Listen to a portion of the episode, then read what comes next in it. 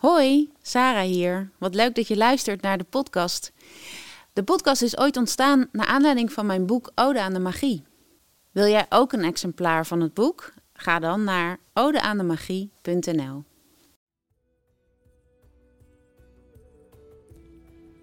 Welkom bij Ode aan de Magie. Vandaag brengen we een Ode aan de Magie met Ellen Duim. Tijdens het werken in de reclamewereld liep ze vast. Ze raakte geïnspireerd door een bezoekje aan een handlezeres en nam de controle van haar leven in handen. Over het ambacht, autoriteit, jezelf niet te serieus nemen en altijd verwonderd blijven.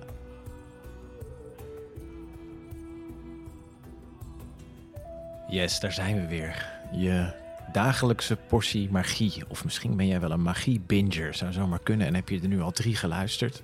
Nou, dan wordt dit vast ook weer een mooie aanvulling daarop. We zijn weer in Putten, Sarah. Heerlijk om hier te zijn. Bij Roep naar buiten.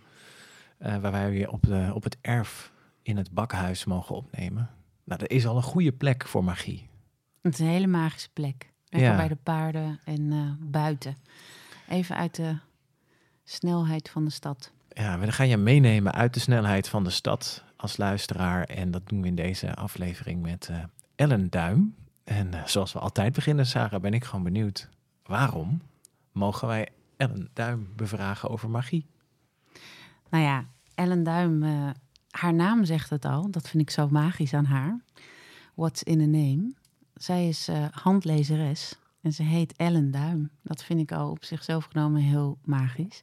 Maar ik heb zelf ook twee keer eh, mogen ervaren wat het is om bij haar een sessie te doen met handlezen. En ehm, ja, dat is magisch. En ik vind het ook echt zo'n een oud beeld van de magier die er zit en je hand leest in een ja, ja dat, is, dat heeft gewoon een, een. Dat geeft nieuwsgierigheid naar de diepte daarvan. Dus ik wil daar alles van weten. Ja. Welkom Ellen. Dank je. Ja, leuk. Ja, de, de, ik moet ook denken aan de magie van handlezen. Dat, het, dat, dat ik dat alleen het idee al magisch vind. Dat je eh, inzichten of reflecties over jezelf, dat je die eigenlijk gewoon... In handen heb. Ja, precies. ja, gewoon eh, je, draagt het, je draagt het bij je, dat het zo dicht, eh, Ja. dichtbij... wanneer is voor jou de interesse begonnen in dat handlezen? 30 jaar geleden. eh, ik werkte op een reclamebureau en ik werd daar zwaar overspannen. En een vriendinnetje raadde me aan om naar een handlezer te gaan, handlezeres. En dat was in die tijd natuurlijk best wel raar. Hè? 30 jaar geleden was spiritualiteit, was, nou, dat was Ja, te magisch. 19- 1990 zo. eh, die, ja, eh, ja. Dat, dat kon nog niet echt. Dus, maar ik ging daarheen en als een echte 29-jarige, 30-jarige eh, wist ik het allemaal zelf wel. Hè? Ik, ze hoefde me niks te vertellen, maar dat deed ze dus wel. En na een kwartier was ik in diepe tranen. En na een half uur piepte ik, mag ik alstublieft bij u de opleiding komen doen? Oh, echt zo snel. Ja, dat was, ik, ik was om. De, ik werd, nou als we het over magie hebben, ik werd zo geraakt. Dus de tranen kwamen van alles wat ze vertelde, wat zij wist, wat mijn beste vriendinnetjes niet eens wisten. Maar ook een soort van diepe herinnering dat ik dacht, ik moet hierbij zijn. Als ik hier niet op deze trein spring, dan, dan mis ik iets of zo. Dat is heel bijzonder. En ik heb mijn baan opgezegd. Na die sessie. Ja, langzaam. Hm. Langzaam maar zeker. Eh, Maar dat was wel het zaadje. Bij jou. dat was absoluut het zaadje. Het was het zaadje, het was de schop onder mijn kont. Het was een soort van, nu ga je. Nou ga je niet meer lopen miepen. Dit is zo, maar dit is, we beginnen eigenlijk al met zo'n mooi groot moment. Dit moeten we niet in één minuut aan voorbij gaan. Gewoon even, neem ons even mee terug naar, Ja. naar dat moment. Je komt daar als, eh, je zegt zelf, hè, 29-jarige eh, powervrouw. Ik weet het wel, kom je daar binnen. Eh, je, je gaat er niet voor niks heen. Je hebt ja gezegd op die uitnodiging van de vriendin, omdat Ja. je toch vastliep ergens in. in Ik liep werk. heel erg vast. En, maar dan kom, je, ja, dan kom je dus binnen in de jaren negentig bij iemand die gaat handlezen. Dat lijkt me ook. Weet je, hoe, Weet je, hoe was dat dan? het was raar en logisch tegelijkertijd. Want ik werkte op dat reclamebureau... waar natuurlijk iedereen eh, hip en happening was. En ik dronk daar al kruidenthee. En het was gewoon not done, weet je wel. En toen ik wegging na een paar jaar... dronk iedereen kruidenthee daar. Jij Dus- hebt eigenlijk de hipster scene gestart. hoor ik. Zou dat het zijn? Ja, wie weet, wie weet. Al was ik me daar toen niet van bewust natuurlijk. Maar ehm, Nee, ik was ontzettend zoekende. En vanuit ook wel de omgeving ben ik in zo'n baan gestapt. En het is, weet je, het is snel, het is hip, je verdient goed. En ja, ik ben daar ingerold eigenlijk. En er ook weer heel hard uitgerold. Want wat was dan hetgeen waar je dan tegenaan loopt? Toen ik op de, bij, dit, bij dat werk zat. Ja, wat, wat Nou, weet je wat? Het was in die tijd waren er heel veel eh, overnames, bedrijfsovernames. En wij waren de overnemende partij. En dan krijg je een soort wij en zij. Hmm. En ik snapte dat niet. Ik dacht, maar wacht even, dan, we moeten toch samen iets moois gaan maken. Daarom zitten we toch hier met elkaar. Maar dat was niet bij iedereen de bedoeling. Dus het was wij en zij werd eigenlijk steeds rauwer. Mhm. En de mensen die er niet meer bij mochten horen, ja, die liepen een beetje met hun ziel onder hun arm. En eh, die kwamen eh, meestal uithuilen bij mij. Hmm. En ik realiseer me dat ik daar eigenlijk meer eh, voldoening uit haalde dan dat ik eh prints voor weet ik wat hoeveel geld moest inkopen en billboards moest laten drukken. Ik dacht ja, lekker belangrijk, weet je. Ja. Dus ik was eigenlijk al veel meer bezig met te kijken van hoe, hoe werkt dit allemaal? En wat een ego's en waarom doen ze allemaal zo bijzonder? ja, Dus eigenlijk ehm, zat ik al niet meer helemaal op mijn plek. nee. En toen liep je daar tegenaan en toen ging iemand in jouw hand kijken. Ja, ik was ook in therapie geweest, maar dat vond ik ook, dat was het niet voor mij. Wat was daar? Nou, ik had zo'n hele keurige therapeut en die bleef net zo lang met haar armen over elkaar zitten totdat ik iets ging zeggen. En ik zei maar niks, dus dan zaten we daar gewoon een uur. Heel ongemakkelijk was dat. Ik dacht, je moet wel een gebaar naar me maken, weet je wel. Dat was ongetwijfeld haar manier. Een maar, handreiking doen. oh, alsjeblieft. Nou joh, ik heb daar zo ongelukkig gevoeld. Ja. Dus toen er iets alternatievers kwam, heb ik dat wel eh, aangegrepen. Ja, zeker. ja. Ja. Zij, zij nam je hand of ze vroeg, eh, ja, hoe gaat dat? Hoe ging jouw eerste... Nou, eigenlijk heel praktisch. Eh, je komt bij iemand op consult en er worden handafdrukken gemaakt. Hè, daar weet je ook eh, van, Saar. Ja, oh, dat, zou- weet ik, dat weet ik niet. Dus Oké, dat, dat, dat we, gebeurt we maken blijkbaar. handafdrukken met inkt Ja. en een rollertje. En dan lees ik, le- las zij toen de tijd en nu ik vanaf de afdrukken. Oh ja. En is dat dan omdat het makkelijker zichtbaar is? Dus, of Ook. omdat iemand niet de hele tijd zo hoeft te zitten? Ja. Ja. Je kan je ook voorstellen, als je meerdere eh, sessies hebt per dag... en je hebt de hele dag mensen hun handen vast... dat er energetisch Ja, echt een, een flinke uitwisseling kan komen. En dat vind ik niet altijd prettig. nee. En als ik niet lekker in mijn vel zit, is dat voor die ander ook niet zo prettig. want dan ben je de hele dus- tijd in de aanraking. Dan zit je in de aanraking. Ja. En natuurlijk doe je dat wel in een sessie, absoluut. Maar niet een uur lang, dat is veel te lang. En, en oncomfortabel. Dus zij gaat gewoon met een inktrollertje over je handen. Jij denkt, oké, die gaan we doen. Laat maar gaan, Dan, ja. Net als bij de politie, dat beeld heb ik van films natuurlijk. Klopt. Druk je dat op papier Ja, en dan, dan liggen dus jouw handen ja, daar op tafel. ja. En, En- dat is magisch. Dat is, daar, dat is Wanneer had ze je? Met wat dat, dat ze wat zei? En je hoeft natuurlijk niet... Ja, vertel wat je wil vertellen. Maar je zei, ja, ze wist dingen over me... die wist mijn beste vriendinnen niet eens. Dat is wel lang geleden. Hmm. Je vraagt me heel... eh, Ja, maar ik vind het ook zo... ja, nee, ik snap het. Ik ben even, ik ja. ben even aan het nadenken. Ehm, nou, bijvoorbeeld, ik dacht dat niemand zag hoe gevoelig ik was. Mm. En ik dacht, oh, ik doe een beetje stoer daar op dat reclamebureau. Op en je sneakers. Ja, ja, je- hakjes, Oh, sneakers, Ja, ja, eh, eh, spijkerbroek, eh, pakje aan, weet je wel? Zoals het hoorde. En het eerste wat ze zei is, meisje, wat ben jij sensitief? En ik, poept, daar ging ik al. Ja, Hmm. je werd gezien. Je werd gewoon gezien. Ja, het gewoon... En dan tot op het bot, weet je? Er is gewoon dan bijna geen weg terug. En ik vond dat heerlijk. Ik vond dat zo mooi. Hmm. Ja. En dan gewoon in een uur ligt je ziel op tafel. Ja, En toen dacht ik, ja, dit, hier wil ik bij zijn. Dit is zo prachtig.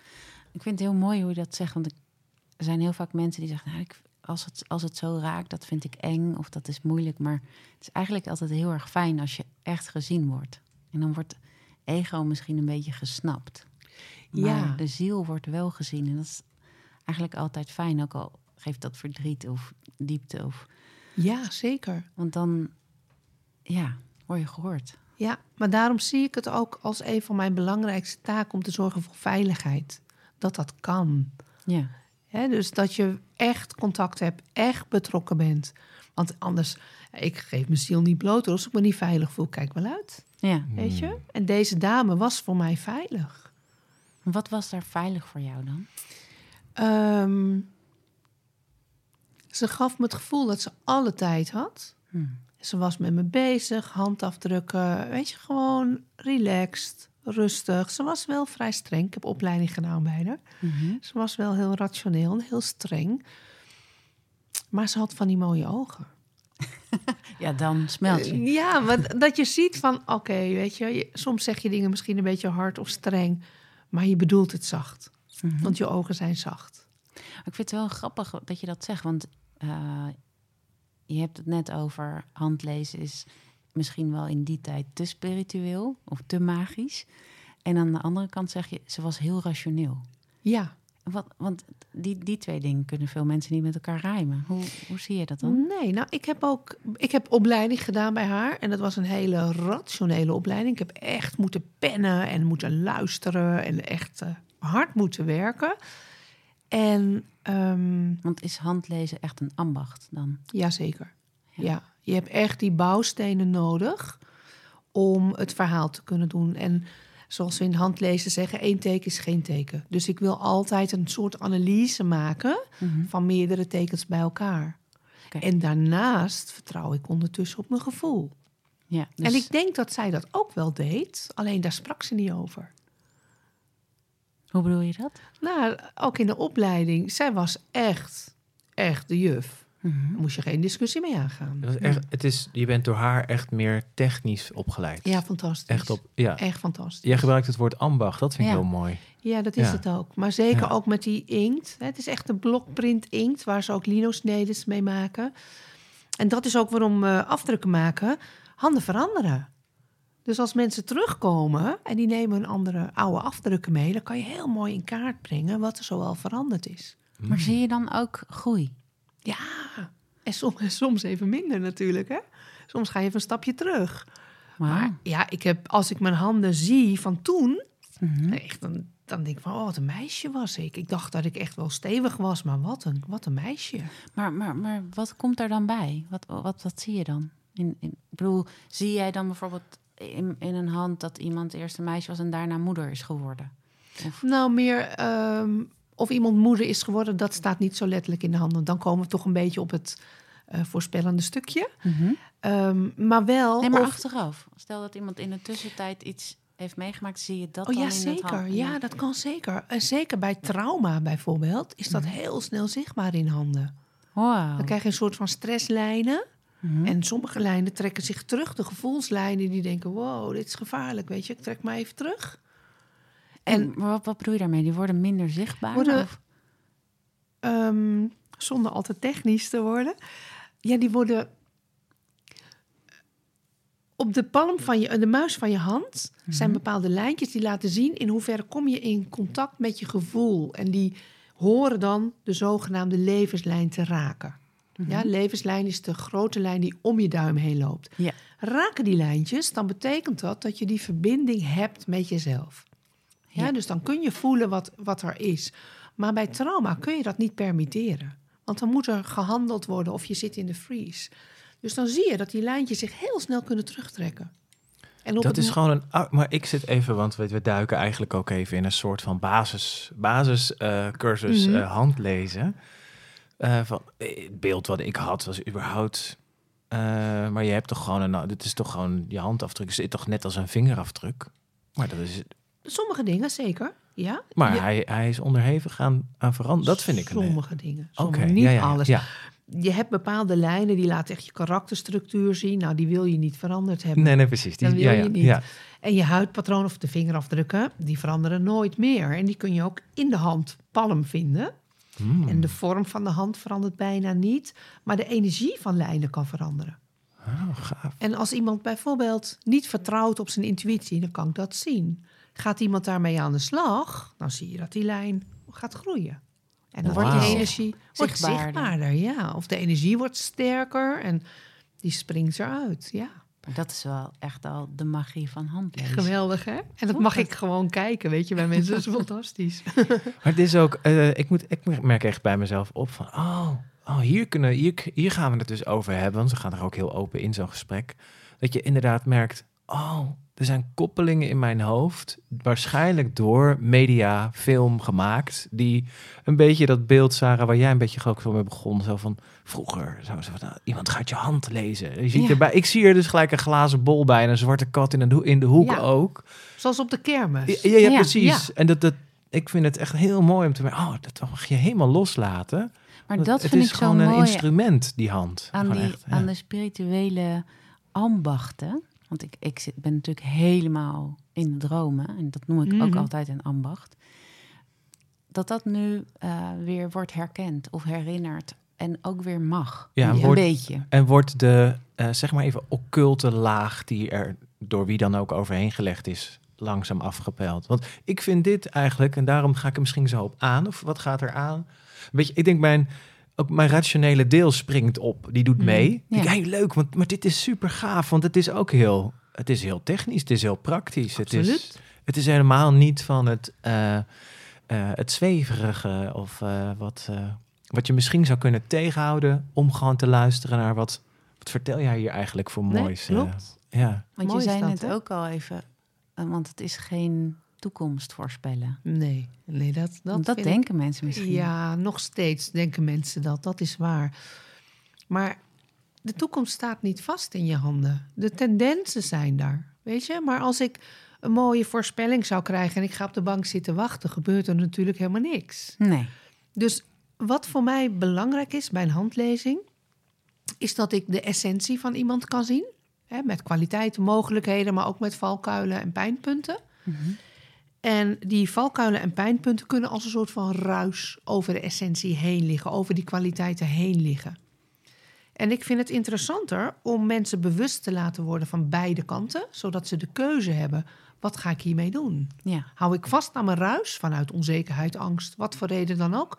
Of ga ik opruimen en kies ik voor mijn kwaliteiten? En ja, als je dan hebt over een toekomstvoorspelling, als dan als tendens in staat dat je nog een prachtig boek gaat schrijven, Mhm. dan zal dat wel gaan gebeuren. Maar dat Ja, kan, je, kan je kan- wel zien. Ik kan zien dat het in je handen staat, maar wat je ermee doet, I don't know. Nee, precies. Je en dat hebt is het in je handen vind ik dat ook niet belangrijk. Je hebt het in je handen liggen. Het ligt voor het op, Oprapen. oprapen. Ja. Maar het moet nog wel even uit je handen komen. Je Ja. moet er Ja. dan wel wat mee doen, ja. Ja. En dat Ja. is ook een stuk eigen verantwoordelijkheid. Dat vind ik heel fijn dat je want daar was ik dat naar op zoek.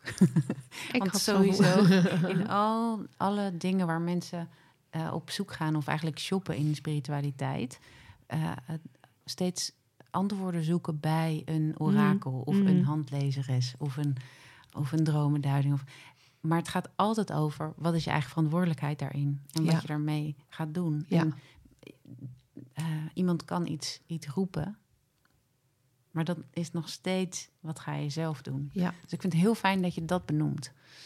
Nou, ik, ik vraag ook vaak in een consult, of ik zeg ook vaak in een consult van twijfel alsjeblieft aan de dingen die ik zeg. Onderzoek of het jouw waarheid ook is. Want soms heb ik misschien niet de juiste taal om iemand te raken. En dat kan. Of iemand is niet op dat punt beland. Kan ook, hè? Dat iemand na een jaar denkt: oh ja, dat is inderdaad een kwaliteit van mij. Ja.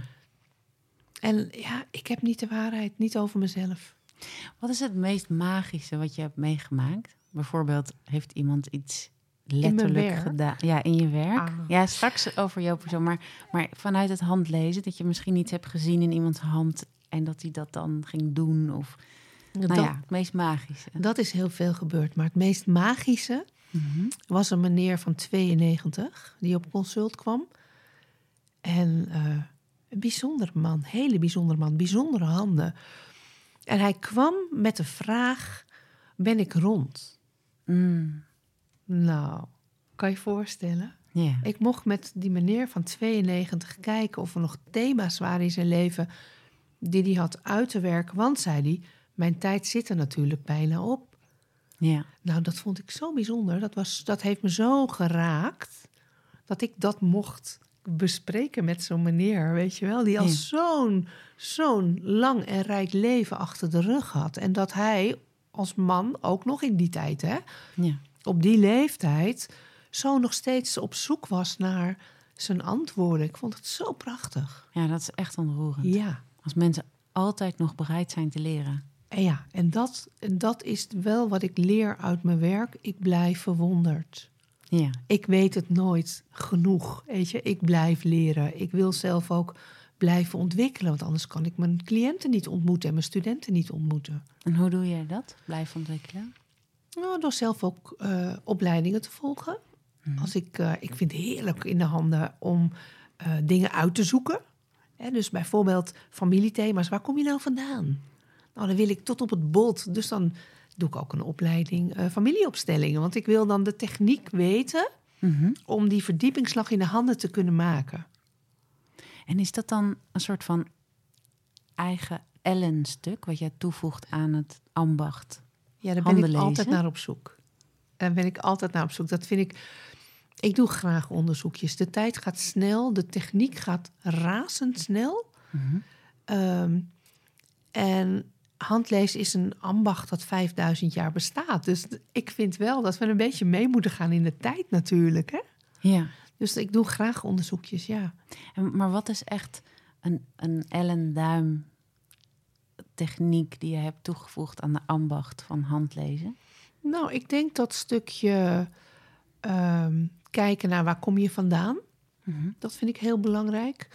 Wat ik ook heel belangrijk vind, en ik denk, weet niet of andere handlezers daar ook mee bezig zijn, eh, naar progressie kijken. Van zo kwam je ooit binnen en zo ga je weer de deur uit. En wat is er allemaal gebeurd in je leven? Sommige tekens die hebben een bepaalde betekenis, logischerwijs. Maar dat betekent niet dat dat de rest van een leven een soort van probleem moet blijven. Nee. Dus misschien kan ik het zo wel mooi omschrijven. Ik kijk altijd naar de uitdaging die iemand aan kan gaan in het leven. In plaats van, oh, dat is zwaar, oh, daar loop je tegenop. Nee, waar zit je groei? Waar zit je uitdaging? En dat is zo lekker van zoveel ervaring hebben. Ik kan aan handen zien wat iemand daarmee heeft gedaan. Maar dat is, En kan je ook zien of het zin heeft om iemands potentieel of eh, potentiële groei aan te wijzen? Of ze daar ook wel iets mee zullen gaan doen? Of, dat- of zie je dan al, deze persoon gaat dat toch niet doen? ik zal altijd, altijd potentie aanwijzen. En Ja. ik geef met liefde energetisch een schop onder iemands kont. Ja. Ja, en Ongeacht of je ziet van het is eigenlijk iemand die het er liever bij laat zitten. het is de verantwoordelijk, eh, verantwoordelijkheid van de ander. En die zul je benoemen. Absoluut. Hm. Ja, Dat absoluut. is wel liefde. Ja, en vroeger durfde ik dat niet. Want wilde ik, was ik veel braver. Wa- Wat dan? Welke vroeger? Was de, de Nou, beginnende handlezer... eh, Ja. ja, ja, in jou. Ja. ja, toen durfde ik niet zo confronterend te zijn of dingen te zeggen. Weet je, dan dacht ik, ach ja, zielig. En dan denk ik, ja, zielig, hallo. Dat is niet liefdevol. Ja, het is juist heel fijn als je Ja, heel fijn. Eh, Is dat, is dat gewoon in kleine stapjes gekomen? Of eh, herinner je je, waar- is daar een omslagpunt in geweest? Dat je dat wel bent gaan durven? Want wanneer durf je dan iets wat je eerst bestempelt als... Nou, dat is eh, kritisch of, eh, of hoe zeg je dat, moeilijk. Eh, het moet Ik- liefdevol zijn. Ik denk ehm, op het moment dat ik s'avonds op de bank lag en gesloopt was. En iemand anders me de dag daarna mailde of belde en zei: Ik heb nog nooit zo lekker geslapen. Toen dacht ik: Duim, je bent niet goed bezig. Zo word je niet oud. Ja, Ik nam alles over van iedereen. dus het ging helemaal ten koste van jou. Totaal. En toen kwam ook het besef van: Maar wacht even, die handlezing gaat niet over mij. Ik ben helemaal niet belangrijk. Ik ben een doorgeefluik, verder niks. Ja. En dat heeft geholpen. Dat gaf, gaf lucht eraan. gaf zo. lucht. En ik begon mezelf serieuzer te nemen. Dat is ook heel handig. Grappig, want die, die deze zou je ook prima als een soort met van juist een contra. eh, hij klinkt contra, hoe zeg je dat nou? Nou, ik heb de- niet, niet de mooie woorden, dus maar gewoon rauw. Dat je bijna zou, je zou ook kunnen zeggen als je jezelf, als je zegt, oh, ik, mijn rol is veel minder groot, ik ben een doorgeefluik, zou je ook kunnen zeggen, ja, dus ik moet mezelf niet zo serieus nemen. Maar ik hoor heel mooi terug bij jou, ik, er, juist doordat je zag wat je rol moest zijn, nu kan ik mezelf serieuzer Ja. nemen. Als- En op andere fronten weer minder. Welke? Nou, als ik zelf geraakt werd, kon ik daar best wel in blijven hangen. Maar het ging niet over mij, dus kon ik ook wel weer laten, toch? Oh ja.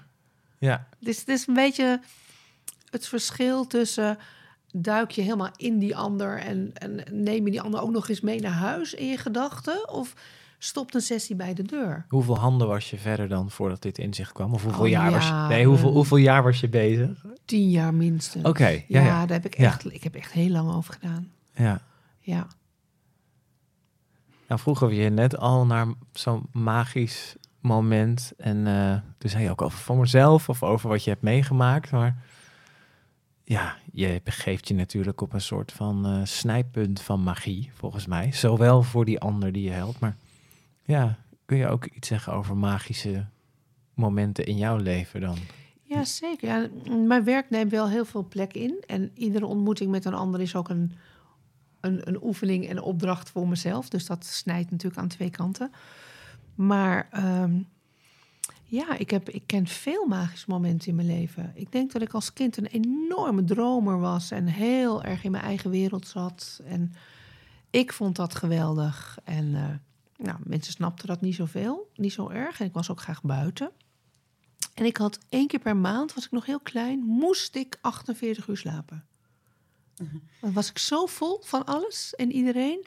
En mijn moeder vond dat logisch. Mijn moeder was heel nuchter.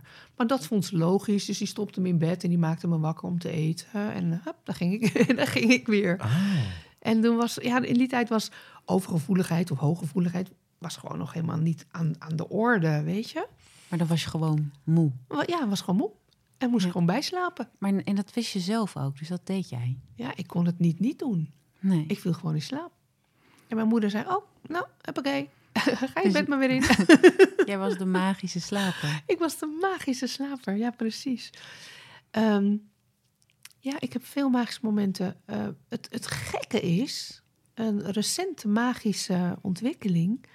is dat ik mijn, eh, mijn enkel dramatisch heb gebroken... volgens de chirurg. Een driedubbele breuk, banden gescheurd, enkel uit de kom. Zo. Nou, ja, dat was, was heftig. Na een hele simpele val. En ik ben best wel ehm kleinserig wat pijn betreft, normaal gesproken. Maar hier dus totaal niet. En ik heb me eigenlijk vanaf het moment dat ik viel, nou laten we zeggen een dag daarna, volledig kunnen overgeven aan wat er was. En ik vond dat zo bijzonder. Ik dacht, jeetje, ik ben toch best een control freak. En ik kon me helemaal overgeven en echt ja, bijna gaan communiceren met die voet van oké, dit is wat er gebeurt. Hoe deal ik hiermee? En ik moest ook bij mijn zusje in huis, want ik kon bij onszelf, eh, bij ons thuis de trappen niet op. En ja, ik, ik kon me daar volledig aan overgeven. Nou woont ze ook heel fijn, dus ik zat iedere dag heerlijk uit het raam te staren naar het water. En ik weet nog heel goed, er was één moment, eh, mijn zus kwam thuis en die zag mij helemaal in tranen. Ze zegt, oh wat is er gebeurd? Ik zeg, kom maar even zitten. Ik zeg, zie je die oude meneer aan de overkant? Ja, zei ze, die eh, woont daar. Ik zeg, ja, maar kijk nou, wat een rust die man uitstraalt en hoe die bezig is met zijn bloemetjes. En ik was helemaal in dat moment en ik dacht, oh, dat wil ik ook. Hmm. En ik realiseer me ook heel goed dat ja, zo'n breuk, dat, dat krijg je niet voor niks. Ik holde maar door en ik holde maar door. Ik was echt door niks en niemand meer te stoppen. Dus de Dus ik werd- boodschap kwam over. Ah, ik werd goed platgelegd. Ja. Ja, dus hulpvragen heb ik moeten leren eh, ontvangen. Ook heel belangrijk. En er waren allemaal mensen die kwamen me dan halen met de rolstoel. Dan gingen we lunchen en rondjes wandelen en zo. Ja. Maar ik vond dat magisch. Het is, ik had niet gedacht dat ik ehm, dat toch wel zo makkelijk zou kunnen. Het is een soort van de klassieke valervaring. Letterlijk, ja De zeker. valervaring is heel simpel, maar het heeft wel voor een Het- hele complexe breuk. Totaal, totaal, ja. Dus, en waarom moest dat zo complex? Het, het, het lijkt alsof het is een driedubbele breuk Mm. met gescheurde Hmm. banden en een en- Uit de kom. een- uit de kom. En uit de kom, ja, het is bizar. Dus er waren, het lijkt wel alsof dat dan vijf lessen zijn of zo. Ja, ik weet het niet. Ik weet het niet. Iemand zei laatst, ja, wat je doet probeer je goed, zo goed mogelijk te doen. Dus dit blijkbaar ook. ik heb geen idee. Ja. Ja, Want wel grappig, dus Ellen Duim, de handlezeres, die wordt genekt door haar voet. yes. Wat, wat zei dat jou? Nou, die link had ik nog niet gelegd. Daar ga ik nog eens over nadenken. Maar meer dat ik dus letterlijk bleef rondrennen. Ja, dat ging niet meer. Dat kon niet meer. Nee. Nee. nee, dat kon niet meer. Ik ben wel vrij snel weer gaan werken, dat dan wel. Ja, want Maar- ik heb me daar een consult gehad, daar En- bij jouw zus thuis. En ik zat in mijn rolstoel. Ja. ja dat klopt. ja. Maar ja. Is eh, mooi wat ik denk dat eh, je maakt allemaal van die fases mee, toch? Zo'n de, de eerste voor jou was ne- 28 of 29 jaar. Toen je eigenlijk je, je nieuwe eh, pad mocht ontdekken. En dat er blijkbaar nu ook weer een cyclus was. Je, Ja. moest, je moest gronden of zo. Iets met de... Ja. Er is een bepaalde cyclus die precies gaat over deze leeftijden. En Hmm. ik heb hem goed aangepakt. ja. En ook goed op, le- op de leeftijden. ik exact, heb het perfect gedaan. Had je hem ook zien aankomen op je hand? Nou, Dat- weet je wat, weet je wat zo flauw is? Ik dacht, ach, ik heb zoveel geleerd. Ik fiets er wel doorheen. Maar dat ging niet. dus ik voelde me wel een beetje betrapt. Door jezelf. Door mezelf, ja, precies. Ja. Ja. Ja. En Oh. kan je dan nu dat zien in je hand? Dat je gevallen bent? Ik kon daarvoor zien dat mijn energie heel laag was. Hmm. En dat het echt tijd was om pas op de plaats te maken. En eigenlijk zat ik een beetje stiekem te wachten dat ik iets als corona of een griep ging krijgen. Ik zat eigenlijk een beetje te wachten van oké, wat gaat er gebeuren? Die 48 uur moet weer een keer. Die 48 uur slaap. Waarschijnlijk, ja, waarschijnlijk. Ja. Die moet ik er maar weer in gaan, eh, in gaan zetten. Ja, dus ik zat wel te wachten op iets. Ja. Maar deze had ik niet zien aankomen. Ja. Wel mooi, want ik hoor je... het- het- zo voelt het ook even zo als een gesprek. Want Sarah, jij werkt nu met een hele andere ambacht. Maar ik, ik, eh, ik, ik herken, veel van het verhaal van Ellen. En ook hoe je dus in je werk staat. Volgens mij is dat het toch ook met welke ambacht je dan ook werkt. En jij, en daar hoor ik zo graag nog meer over. Maar die ambacht van, dat, van het handlezen. Jij en Sven, de ambacht van dromen en reflectie. Ja. Eh, als je er zo in staat dat je ook met een soort glimlach, want je vertelt ook met een glimlach over je driedubbele enkelbreuken met complexe uit de kom situaties en zo. Maar wel als van, ah, wat vertelt me dit? ja. Wat mag ik Mm. hier eh, uithalen? Net Mhm. zoals dat je iets uit een hand haalt of uit een droom of uit een Ja. ceremonie. Nou ja, met dromen is natuurlijk ook... Het gaat over de tekenen waar jij het over hebt. aan dingen die iets betekenen. En ik weet niet helemaal hoe dat werkt met handlezen. ben ik heel nieuwsgierig naar. Maar met dromen is altijd inherent... De symboliek die in een droom voorkomt... is inherent aan de droom zelf. Mhm. Dus mensen zeggen wel eens van, wat betekent dan een zwarte kat? Ja, eh, was hij aan het zwemmen of eh, vloog hij in de lucht? Of het, het, het heeft altijd te maken met, Die context of met, zo. met de context van... Is, is dat in, in handlezen ook Ja, zo? zeker. Ja. Dat een symbool nooit hetzelfde is, maar dat inherent is aan de persoon en de hand? Ehm, symbolen zijn, de lijnen en tekens zijn wel hetzelfde, maar de duiding kan per hand verschillen. En dan niet de basisduiding, maar wel hoe pakt iets uit? Waar zit nog ruis? Waar zit eh, progressie? Dat wel. ja. En het mooie vind ik van handen, ze laten eigenlijk vrij snel zien wat het thema is in het moment. En dat kan een jaar anders zijn, uiteraard, hè, als iemand weer terugkomt. Maar soms dan is het bijna alsof lijnen zeggen: Hallo, hallo, je moet mij nu gaan benoemen. Weet je, dan, dan, ja, dan gaan ze sprankelen in mijn beleving, dan gaan ze leven. En dan kan je niet wachten om te vertellen wat daarachter zit. Ja, zeker. Ja. Dus het, dan vertelt het verhaal. Dat, dat, is, dat maakt het verhaal rond. Ja. Wat voor symbolen kun je in een hand zien die bijvoorbeeld heel speciaal zijn, die heel weinig voorkomen, maar iets heel bijzonders zeggen? Nou, we hebben de vingerafdrukken, die hebben we allemaal en die zijn absoluut uniek. En die kunnen we onderverdelen in families, noem ik ze dan, hè? Mhm. Aarde, volgens de elementen, aarde, water, lucht en vuur. Mhm. En soms heeft iemand een patroon dat overal buiten valt. Of soms heeft iemand een lijn, en ik kan niet precies benoemen hoe dan, die ik nog nooit heb gezien.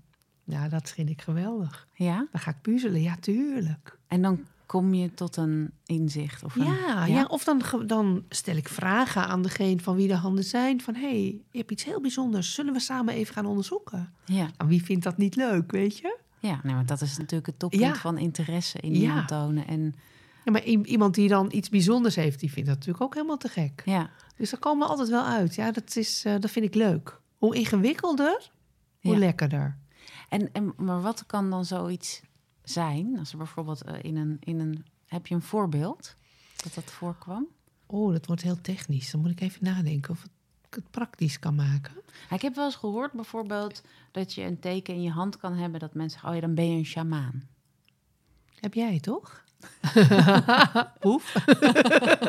ja, Maar zeker. ik weet niet meer wat het is. Het is een vingerafdruk, een, pat- een patroon, maar dan in je handpalm. Oh ja. En het zit dan op een bepaalde plek onder in de hand, zodat je daar echt bewust van hebt te worden. En dat gaat meestal na de 30 pas echt. Komt dat echt tot leven? Dus, en wat betekent dat? Dan, dan Ja, komt ik- het in je leven tot leven of dan zie je de lijnen beter? Dan word je er bewuster van als drager van het teken, van het symbool. Want het zit onder in de hand. En het onderstuk van de hand is vaak het onderbewuste. Dus als je nog jong en toch wat meer onwetend bent, of Ja. nog met carrière bezig bent, dan is dat nog vaak een wat onontgonnen gebied. Als je nog bij het reclamebureau zit. Absoluut, Ja. dan zeker. Precies. Maar dan kan je wel die urge voelen van, ah, er is iets, ik, ik mis iets. Maar wat Sarah, ben jij, nou, ben jij nou stiekem ja, in deze podcast? Ben jij spiritueel aan het shoppen? ja. Zeker weten. Jij wil weten of je... Jij Nee, onderbouwing. Ik had een consult en ik, ik wist even iets niet meer. En dat Ze heeft, nu, ze heeft heb ik nu goed. uitgezocht. Ja, ik, ik kan me voorstellen dat mensen wel ook eh, nog steeds misschien met dat soort vragen binnenkomen bij je, toch? Ik- Of, of zeg je nee, inmiddels weet iedereen wel die jou vindt. Hè? Als je toe Mhm. bent aan een, aan een handlezing eh, en nog specifieker van Ellen Duim op jouw eigen manier, dan, eh, dan weten mensen het wel. Of stappen ze nog steeds wel binnen met, eh, hey, kun je even kijken of ik ga trouwen met een blondine of een brunet? Nou, dan, dan lach ik heel dom en dan zeg ik, sorry, dat weet ik niet. Nee, maar komt het voor dat mensen inderdaad eh, zo... niet meer. Ja, gelukkig, ja, ja, Niet ja. meer. Nou, weet je, ik denk... ehm, in de Randstad is dat sowieso al anders. Hè, ik, ik, bedoel dat helemaal niet, niet vervelend, maar... ehm, ik heb ook wel eens ergens op een, bij een groep mensen eh, handen gelezen... en die woonden echt ver, ver, ver weg. En daar is nog wat meer nieuwsgierigheid of wat ongeloof of testen. Ja.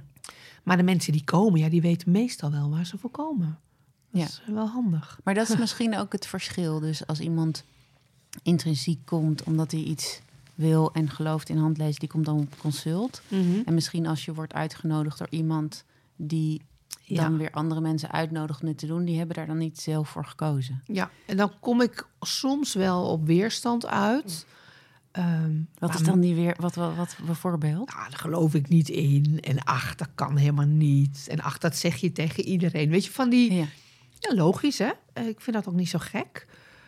Maar meestal is iedereen nieuwsgierig. En wil iedereen toch wel even ervaren. En meestal zeggen mensen dan na afloop...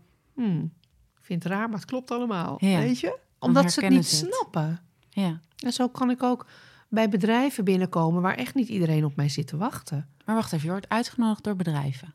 Soms, ja. En hoe... En dat, is, dat is zo leuk. ja. Ehm, dan zijn er verschillende mogelijkheden. Of we gaan met het team kijken. Ik had het net al over de elementen. Vanuit welk element functioneert iemand? Oké. Net zoals we dat allemaal wel kennen ondertussen van de kleuren. eh, hè, die Ja. bij bedrijven worden ingevuld. Nou, dat kun je ook met elementen vanuit de handen doen. Mhm. En dan kijken we in het team van hoe zit die elementenverdeling en hoe reageren mensen op elkaar. Dus als je in een team alle elementen hebt vertegenwoordigd, dan heb je een, een, een Zou sterk lekker wezen. team. Ja. Of als je merkt van nou, iedereen zit in element water, dat is een waterig team. Mm, mhm. Zit heel erg op het gevoel. Ja. En dan kun je wel kijken van, oké, als je er dan iemand bij nodig hebt, doe dan even aarde of vuur. Precies. Ja, Doe eventjes. ja.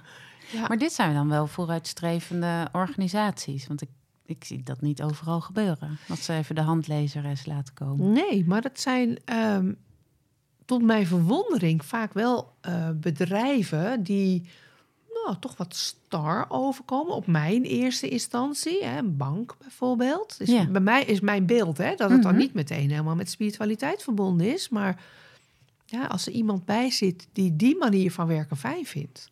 En dat ook gunt aan het team, want je leert elkaar toch beter kennen.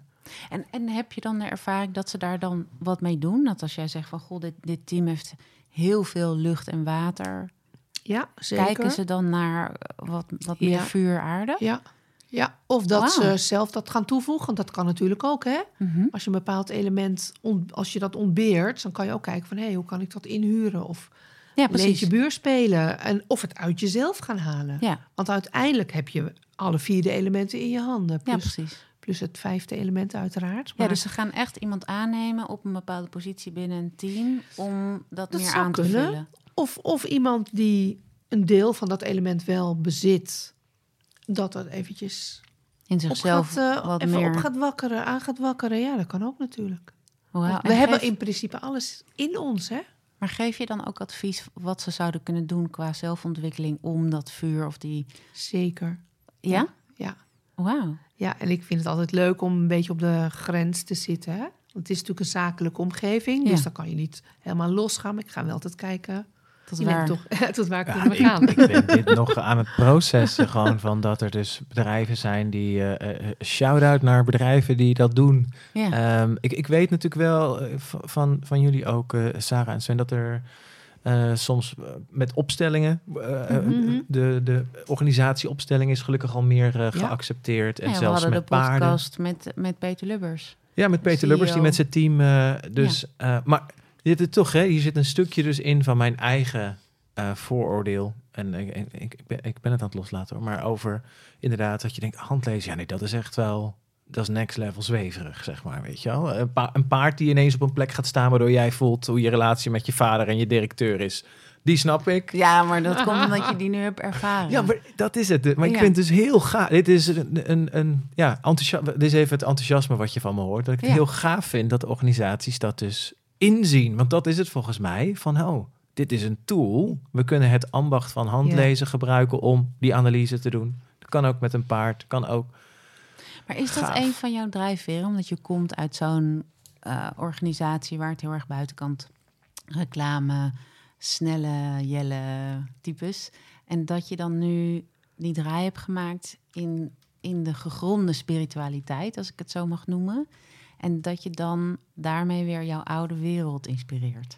Nou, dat begint nu wel te komen. En dat is ook dankzij eh, mijn voet. Dat Ah. ik ook even pas op de plaats ben gaan maken. En ook mijn eigen praktijk weer onder de loep ben gaan nemen. Van Mhm. wat wil ik minder en wat wil ik meer. Mhm. Niet werken is geen optie. Maar eh, het komt wel weer samen, ja zeker. Maar ook ehm, omdat ik er meer ingegroeid ben. Ja. Dat je dus dat nog meer. Dat ik daar nu ook kan gaan, gaan staan. En, en dat ook fijn vind om met mensen te sparren. Ik vind dat heerlijk om te doen. Ja. En ook dan op een bepaald... In mijn praktijk fantastisch, hè? Maar bij bedrijf, ik werk ook met een executive coach samen. En dat is gewoon, tjak, weet je wel, gaan. Weet je, geen gezeur. En huppakee, ja, ik, ik vind dat geweldig. Ja. Dus je, je hebt eigenlijk, zeg je, ik, ik heb even plat gelegen en ik werk heel veel in mijn praktijk en individueel. Want je, je doet heel veel dingen. Je geeft les, Ja, ik geef opleiding. je hebt boeken geschreven. Boek, een nieuwe komt eraan. Oh, echt? Ja, wanneer weet ik nog niet, maar ik ben wel bezig. En is dat dan eh, lesmateriaal voor jouw student of is het voor iedereen? Dat is voor iedereen. En lesmateriaal, dat, dat staat er buiten. Dat is er natuurlijk in de Mhm. opleiding. Eh, voor de online cursus heb ik weer ander lesmateriaal. Nee, ik, ik ben wel weer met iets nieuws bezig. Maar, en wat is dat dan? Nou, weet je, ehm, ik zei al van ik hou zo van onderzoek doen hè, in Mhm. handen. En er is een bepaalde, wat ik aan het onderzoeken ben, is een bepaalde cirkel, Mhm. levenscyclus, waarin je goed kan zien ehm, waar sta je nu, waar kom je vandaan, wat heb je onderweg allemaal meegemaakt. En als je nu, daar waar je nu bent, getriggerd wordt in een oud stuk, welk stuk is dat dan en hoe acteer je dan? En wat zou je kunnen doen om dat stuk te helen daar waar het ooit is gestart? Kijk, dit vind ik heel interessant. Want zeg je nou eigenlijk dat door wat je ziet in de handen, dat je weet waar de heling zit? Ik ben het aan het onderzoeken. Ik En, hoe denk dat dat. onderzoek je dat door naar eh, dat op jezelf te toetsen? Of Dat altijd, maar ook de mensen eh, met wie ik werk, eh, in de consulten, in de opleiding natuurlijk ook. Mhm. Ja. dan krijg je antwoorden. En soms dan word ik wakker en denk ik, "Ah, dit is het, hier ben ik naar op zoek. En dan plotseling valt het inzicht. gaat het licht aan, ja. Ja, En is dit onderdeel van je nieuwe boek? yes. Oh, spannend. Ja. En die elementen. Ik, ik ben steeds ehm, verliefder op de elementen en het werken met de elementen. Dus daar ben ik steeds meer mee bezig. En dat heeft hier ook mee te maken. Hoe kom je echt weer terug in jouw oorspronkelijke element? En, En- hoe, hoe zie je dat? Want, Ehm, nou, onder andere aan de vingerafdrukken. Mhm. Dat is een, een vorm van kijken naar de elementen. Maar de elementen komen op vijf plekken terug in de handen. Dus ik maak dan een soort analyse van hoe verhoudt dat zich tot elkaar. Mhm. Dus Zodat- kun je in de hand zien wat je element is? Je voorkeurselement, dat is wat anders vaak dan je astrologische zonneteken. Ja. Ja, dat, dat hoeft niet te matchen met elkaar. Mhm.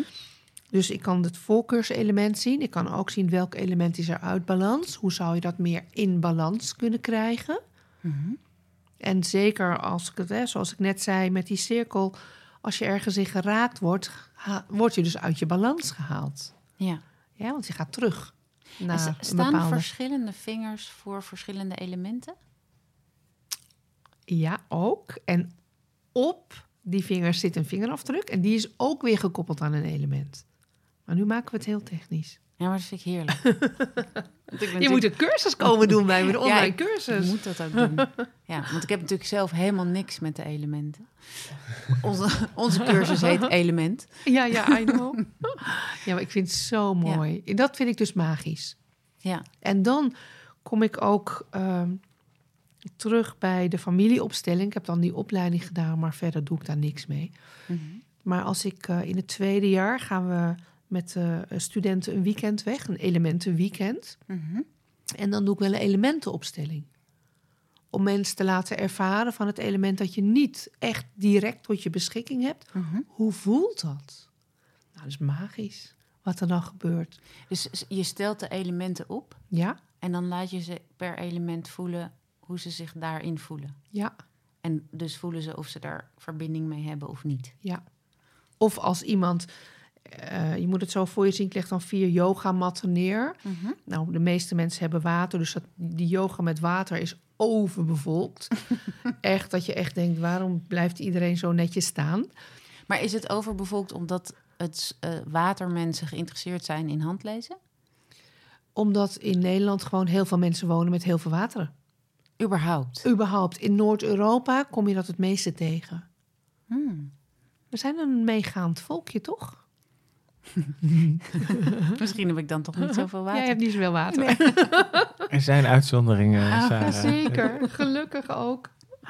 Maar dat vind ik leuk om te doen, om daar ook mee te spelen. Ik vind het woord eh, verwondering vind ik belangrijk, spelen vind ik belangrijk. Mhm. Zodat mensen zich weer kunnen herinneren wie ze zijn. Zodat ze ehm, de bevestiging krijgen wie ze zijn. Hm. En wat, wat, wat het is met handlezen. Han- sorry, handen hebben gewoon geen oordeel. Die laten zien wat er is. Weet je? En ja, wie ben ik dan om te gaan oordelen over wat ik zie? Dat is gewoon niet te doen. Dat kan niet, vind is- ik. Nou snap ik ook wel waarom jij zo eh, resoneert met de opstelling aan zich. Hmm. Eh, of of wat nou met paarden is. Of, maar de op- de opstelling ook, heeft ook geen oordeel. Nee, precies. het toont gewoon iets aan. Het Ja. laat, iets, laat iets zien, brengt iets aan het licht. Ja, En dat doen handen ook. Hè, dat, is, dat is heel mooi wat je zegt. Ze brengen aan het licht wat er is. En Ja. je doet er wat mee of niet. Ja. Wij noemen bijvoorbeeld dromen brieven aan jezelf van je hoger bewustzijn. Hmm. Of, je, of je dieper bewustzijn, of hoe je het noemen wil. Maar het klinkt een beetje alsof handen dat ook zijn. Dat ze gewoon laten zien wat jouw taal is of waar, waar je bent. Ja, De, de, de echtheid. ja. En ik, ik zeg ook altijd in de opleiding... jongens, er bestaat geen goed, er bestaat geen fout in handen. Anders Nee. kom je al heel snel in het vergelijk. Ja. En dan zeg ik, oh, Sarah heeft vuur, wil ik ook hebben. Ja, Ja, heb ik gewoon niet. ja, Weet je, ik heb het te doen met wat ik heb.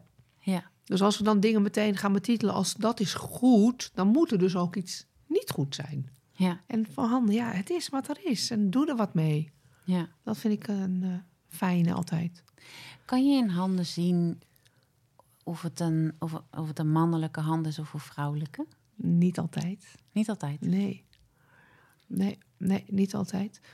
Ehm, je hebt namelijk hele potige dames Ja, en hele vrouwelijke heren. ja. En daarnaast ehm, hebben we ook nu steeds meer mensen die ik op consult krijg... die transgender zijn Mhm. of non-binair. En ja. ik kan het niet altijd zien. Nee. Nee. Nee, en eigenlijk vind ik dat ook helemaal niet meer belangrijk. Nee, dat is het ook niet. Heel belangrijk. leuk is dat, hè? Totaal niet. Nee. Maar ik ben gewoon benieuwd of, wat je... Nou, ik krijg wel veel potige vrouwen op consult met aardig wat mannelijke energie. Ja. Dat wel. Ja, en Is dat, ook westers? dat weet ik niet. Dat weet ik niet. Ehm, ik zie met name natuurlijk mensen hier. En niet zo direct veel van andere culturen. Soms wel, maar niet zo heel veel. Dus ik kan dat vergelijk niet zo goed maken. Dus als jij, stel je, we geven jou een heleboel papieren met afdrukken van handen. Kan jij dan ze bijna al indelen in, nou, die heeft waarschijnlijk zo'n beroep of die... Zou kunnen. Ja? Ja, ga je me testen? Nee, want ik heb het niet. Maar ik wilde Ja, wel dat weten zou of heel dat goed. Ja, dat kan. Ja. Ja, maar ook of iemand meer een gevoelsmens of een rationeel mens is. Of iemand wat angstig, voorzichtig is. Of juist vol bravoer zit. Los, los van het, want ik kan me voorstellen dat je die vaak tegenkomt ook. Of, of dat je die nog wel eens tegenkomt. Inderdaad, dat mensen die willen testen of zo. Die Mm. soort van, eh, als je er helemaal van uitgaat, zo, hè, dat jij je ambacht verstaat. En jij, dan denk ik, oh, ik zou wel echt heel graag aan een training willen meedoen. Waarbij ik eerst even eh, langs ga bij Ellen voor mijn handen. Die worden dan, die, die, die, worden, die worden daar geïnterpreteerd. En dat dat dan, dat jij en Sven vervolgens ook met een droom ernaast. En gewoon, want als je er op, als je niet gaat kijken inderdaad naar de verschillen. Van nou ja, maar Ellen zegt dat je vuur. en, maar als je gaat kijken naar wat er, eh, hoe die dingen raken. Ik denk dat dat raakt. Dat, als je er dan nog een paard van Ruby naast zet. En dan, wauw, weet je, maar je, het, het is er allemaal. Dat is natuurlijk een, dat is alleen al magisch als je kijkt naar hoeveel. En dan is de Instrumenten er dus, zijn. maakt niet uit wat iedereen zegt, maar wat is je eigen verantwoordelijkheid daarin? Ja, Wat doe je daar dan Wat doe je ermee? Ja, Ja. precies. Ja, En neem je het zwaar en serieus? Of denk je, oh, interessant, ga ik onderzoeken. ja. ja. Ja. precies. Nou ja, maar dat vind ik zo mooi ook wat je zegt. Het gaat voorbij. Het heeft niks te maken met een oordeel. Dus je kunt confronterend zijn, maar dat hoeft niet te zijn dat het een oordeel is. Dat is liefdevol. Ja. Het is, kijk, gewoon daarnaar kijken. Ehm, en het is wat het is. Het is, zeker. Mm, En wat wil je daarmee? Ja. Je kunt het ook zo laten, Ja. natuurlijk. hey, en ik, heb, ik ben toch nog bloednieuwsgierig naar allerlei dingen. Maar zie jij ook iets aan mensen, bijvoorbeeld door sieraden of die ze Mm. dragen? Of, of is dat dan de reclame, namelijk de buitenkant? Nou, buiten buitenkant. Er zijn natuurlijk mensen die dat kunnen lezen. Mhm. Eh, ik heb vroeger heel veel gedaan. Astrologie, tarot, weet ik wat allemaal. Maar allemaal half. Hm. Dus ik wil me nu vooral focussen op mijn professie en mijn passie. Mhm. En daarnaast doe ik andere dingen. Ja. Dus ja, de, je kan zeggen als iemand heel veel sieraden draagt, dan voelt hij zich nou, zelfverzekerd meestal, weet je. Maar ik ben daar niet zo heel erg mee bezig. Daarnaast, bij mij moeten ze af ja, zeker. met het afdrukken maken. Ja. Dus ik zie liever mensen zonder heel veel ringen. Ja, want dan kan je de echte... Nou, maar ik- dat bedoel ik. Dus is, Ja. het, is- dat bijvoorbeeld de afleiding? Ik weet het niet. Eh, als je te strakke ring hebt, worden je vingers wel wat afgeknepen. En dat heeft wel iets met je energie te maken. Dat dan Ja. weer wel, weet je. Ja. Ja. Ja, mooi. Hey, en je zei net heel even snel, je hebt heel veel dingen gedaan naast handlezen, tarot en astrologie. Welk van die dingen, want je zei, daar doe ik dan niks mee, Mhm. maar ook eh, systemisch werken. Welk van die dingen die je hebt gedaan, hebben de meeste invloed gehad op hoe je je handlezen doet? Nou, ik denk het systemisch werken toch wel. Omdat dat het meest recente was. Mhm. En daar heb ik gewoon heel veel, eh, ben ik daarmee bezig geweest. Maar vooral met het herkennen van de structuren ook weer. Hè, van waar kom je vandaan en hoe werkt dat allemaal? En dat ben ik weer gaan onderzoeken in de handen. Dus eigenlijk de voorouderlijn. Ja, Ja. ja. Kun je voorouderlijnen lezen in iemands hand? min of meer, ja. Ik kan in ieder geval zien of iemand ten tijde van de zwangerschap al heel gevoelig was voor de energie van de moeder.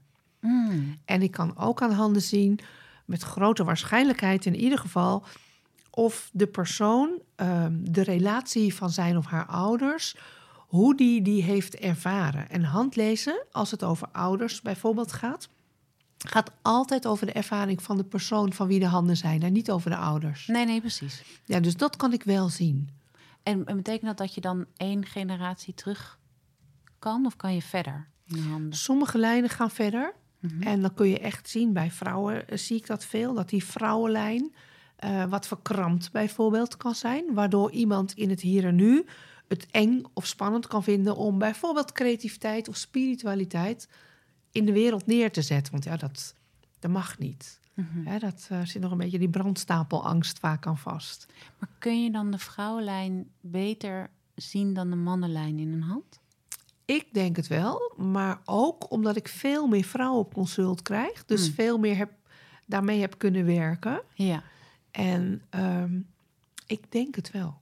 Maar zie je die vrouwenlijn niet bij mannen in de handen? Zeker ook, ja, Want daar Ja. kan het ook doorgaan in de Absoluut. vrouwenlijn bij Ja. man. eens. Dus, maar Maar je- ben ik, dat, is, dat zijn dingen die nog eh, vrij recent zijn in het handlezen. ja, Dus dat zijn dingen die bij mij in ontwikkeling zijn. Dat ben ik aan het onderzoeken. Ja. Dus dan stel ik het eerder als een vraag... Mhm. dan dat ik het met zekerheid kan zeggen in een consult. Ja, precies. Maar dan praat je daarover met degene die Ja, op consult is. ja. En die kan daar dan iets in herkennen of niet. Ja. En daar ben je op dit moment nog voorzichtig in, omdat het onderdeel is van je onderzoek. Yes. Ja, Maar je vraagt het wel. ja. Ik vind dit ook heel interessant, want ik ben daar ook mee bezig. Oh, mooi. Alleen dan vanuit eh, de voorouder eh, dingen die ik doe in Scully. Waar we bezig zijn met het opschonen van voorouderlijnen. En ook, nou ja, wat... wat Ja, het is zo mooi. ja, dus ik krijg ook meer zicht op de vrouwenlijn. Ja. Daarom was ik even benieuwd of je Ja. dat in de handen ook kan zien. Ja, en, en daarom zeg ik, hè, ik zie heel veel vrouwen op consult. Ehm, dus die vrouwenlijn, die snap ik wel een beetje. En ook de blokkades die daarop kunnen zitten. Ehm, soms de rationaliteit moeten neerzetten... terwijl er heel veel spiritualiteit en gevoeligheid zit. Ja, Dus dat hoe, die onderdrukt is geweest. dat die onderdrukt is geweest, ja. En hoe heet dat ook weer zo mooi? De, de, de brandstapel Angst. angst Ja. die voortgezet wordt door in de generaties. Ja, maar dus hier ook nog steeds eh, tastbaar gemaakt kan worden door mensen die handlezen of dromen of wat dan ook allemaal belachelijk vinden en afwijzen. Ja. Hè? Dan zie ik bij heel veel vrouwen dat ze dan denken, ja, maar dan laat dan maar zitten. Ja, Weet je, ik heb het goed zoals het is. Is toch prima zo? ja, Terwijl daar wel een soort verlangen kan zijn naar, oh, ik wil weer terug naar die, naar die heks in mezelf of wat dan ook, weet je? Of de Ja. sjamaan. ja.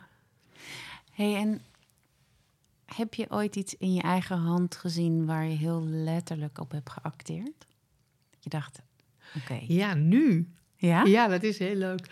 Ehm, er bestaan zogenaamde schrijflijnen. Mhm. En ik zei al van, hè, ik ben weer bezig. En mijn schrijflijnen die zeggen, hallo, hier zijn we. Ja? Die lichten op. Ja, Ja, dus daar luister je naar. daar luister ik eh, zeker naar. Ja, zeker. En je hoeveelste boek is dat dan? Tweede. Wauw. Ja, spannend hè? Ja, Ja. echt. Nu heb ik het uitgesproken. Nu moet ik er wel wat mee doen natuurlijk. Hè? Ja. Ik kan die niet meer eh, verstoppen. Nee, daar heb ik ook heel veel zin in. Dat vind ik ook echt superleuk om te gaan doen. En daarom ga ik het komende jaar ook wat minder eh, werken. Toch Mhm. een beetje rustiger aandoen. Dat ik een beetje beter mijn tijd kan verdelen. Ja. Ja, hey, en want ik heb jou ook heel vaak in het verleden in Happiness gezien. Mhm. En op televisie zelfs. Volgens mij heb je een Mhm. programma gedaan. Want er is iets aan jou waardoor mensen eh, dit best wel... Nou ja, bij de bank en bij de tv en in, in tijdschriften... dit aannemen, deze manier van werken. Wat is dat? dat, dat, dat ik jij weet dat... het echt niet. Ik weet het echt niet. Ik weet dat het gebeurt. Ik kan voor een groep van 400 mensen staan praten. En ik, heb, ik vind het één groot feest. Maar zet me daarna niet op de borrel na afloop, want dan wil ik naar huis. dan vind ik het helemaal niet meer leuk. Nee, maar dat, dat snap ik. Maar het stukje, er is een soort van. Sommige mensen hebben de gunfactor als ze sales Mhm. doen of zo. En jij hebt een soort van geloofwaardigheidsfactor, waardoor mensen voelen van. "Ah, het klopt toch?